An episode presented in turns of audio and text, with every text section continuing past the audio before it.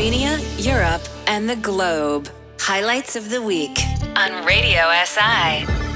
Welcome to this week's show, where we make a short recap of some of the major news that made headlines in Slovenia and abroad until Friday. We begin in a small U.S. town in Wisconsin where an SUV car drove into a Christmas parade. Police Chief Dan Thompson. The vehicle struck more than 20 individuals. Some of the individuals were children, and there were some fatalities as a result of this incident. Six people were killed and more than 40 injured, including children.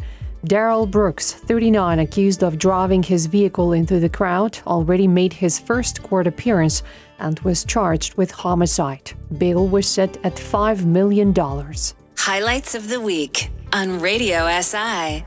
In Slovenia, a verdict was expected in an infamous case of insurance fraud. A Slovenian woman made international news when she was suspected of sawing off her own hand for insurance fraud.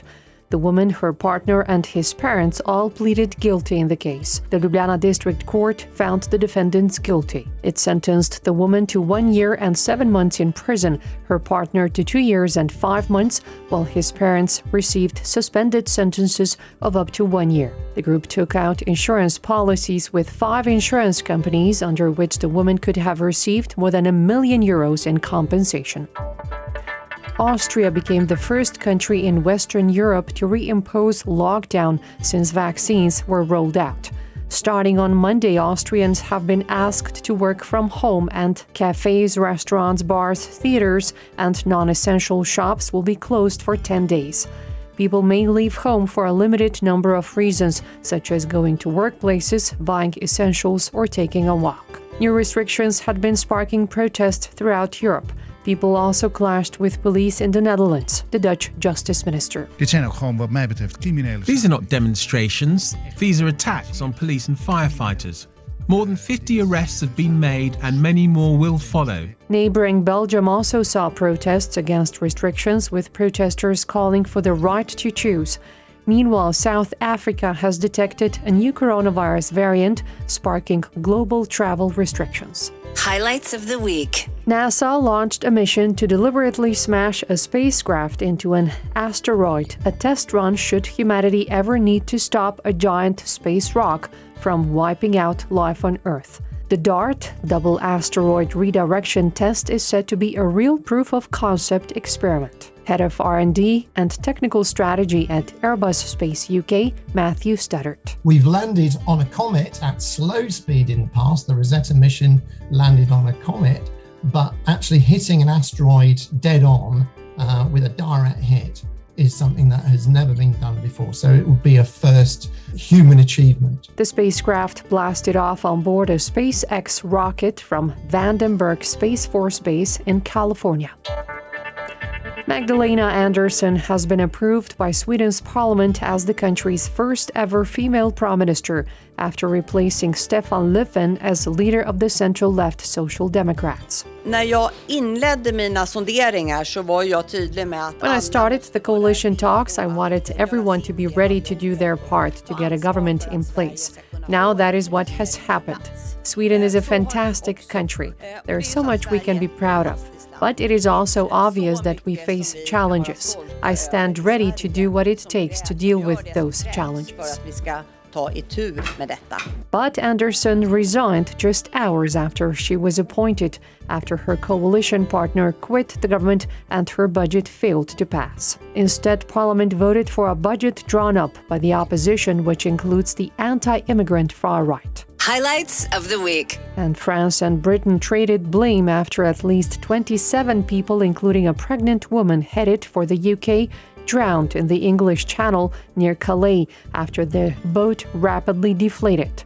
UK Prime Minister Boris Johnson said he was appalled by what happened. My thoughts and sympathies are, first of all, with the victims and their families, and it's a, an appalling thing that they have suffered. But I also want to say that this disaster underscores how dangerous it is to cross the channel in this way. President Emmanuel Macron has reacted angrily to Johnson's public call for France to take back migrants who reached the UK.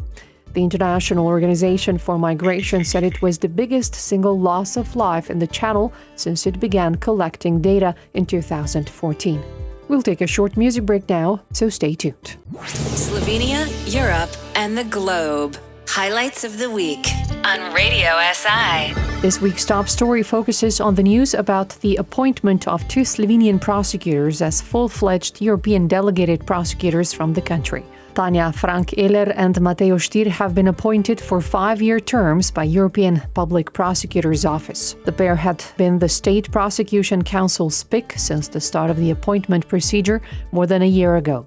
The decision has ended a back and forth procedure of delaying the fulfillment of Slovenia's agreed obligations to the European Public Prosecutor's Office. State Prosecutor General Drago Šketa said he was happy about their appointment as they are very good and suitable candidates, which is what counts the most. Sem vesel, da sta oba eh, kandidata, ki ste imenovana strani Evropskega javnega toživstva, zelo dobra in primerna kandidata. Imenovana sta za obdobje petih let in to je tisto ključno, kar je pomembno pri vsej tej zadevi.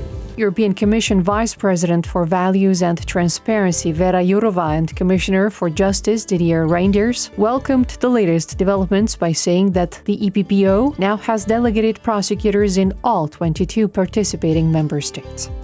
The EU Commission has also welcomed the two appointments, so has Slovenia's Supreme State Prosecutor's Office. But the government quickly said that the decision was temporary. It will be in place only until the appointment procedure in Slovenia is completed, a stance experts have disputed. Soon after the appointment of the two prosecutors, the Justice Ministry put forward amendments to the Act on the Public Prosecution that would give the government greater say in the appointment of Slovenian prosecutors delegated to the European Public Prosecutor's Office. Justice Minister Marjan Dikaučič congratulated the two prosecutors and wished them success, while at the same time reiterated the importance of clearing the national procedure of any possible doubts and interpretations. Imenovanima in da nacionalni del očistimo dvomov in različnih možnosti interpretacije. Four opposition parties expressed criticism of the amendments, seeing it as yet another government's attempt at undermining the rule of law. Under the amendments, the ministry would get the power to propose candidates in case an insufficient number of prosecutors applied in the public call. These candidates would then have to satisfy the same formal requirements. Tina Heferle of the LMŠ party said that the justice minister falsely congratulated the appointed prosecutors, as at the same time he wrote the motion that would enable their dismissal.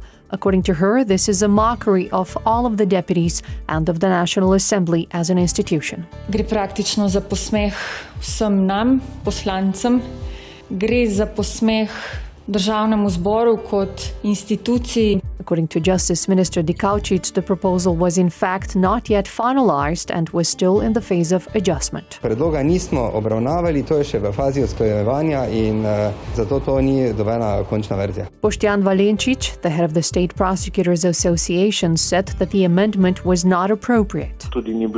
Nor was it constitutional and would sooner or later encounter repeal. But I also hope that this saga of two delegated prosecutors is over and that they will finally be able to focus on the work of law enforcement, that is, prosecute fraud to the detriment of the European Union. The attempt to change the appointment of delegated prosecutors has also been criticized by several media, including major Slovenian newspaper Dnevnik. It sees it as a sign of the autocracy of the Janez Janša government. That's it for this week. You can join us again next weekend, same place, same time. This is Lydia Petkovic signing off and wishing you a nice end of the week. The most important news from Slovenia, Europe, and around the globe. Highlights of the week. Saturdays at 2:25 on Radio SI.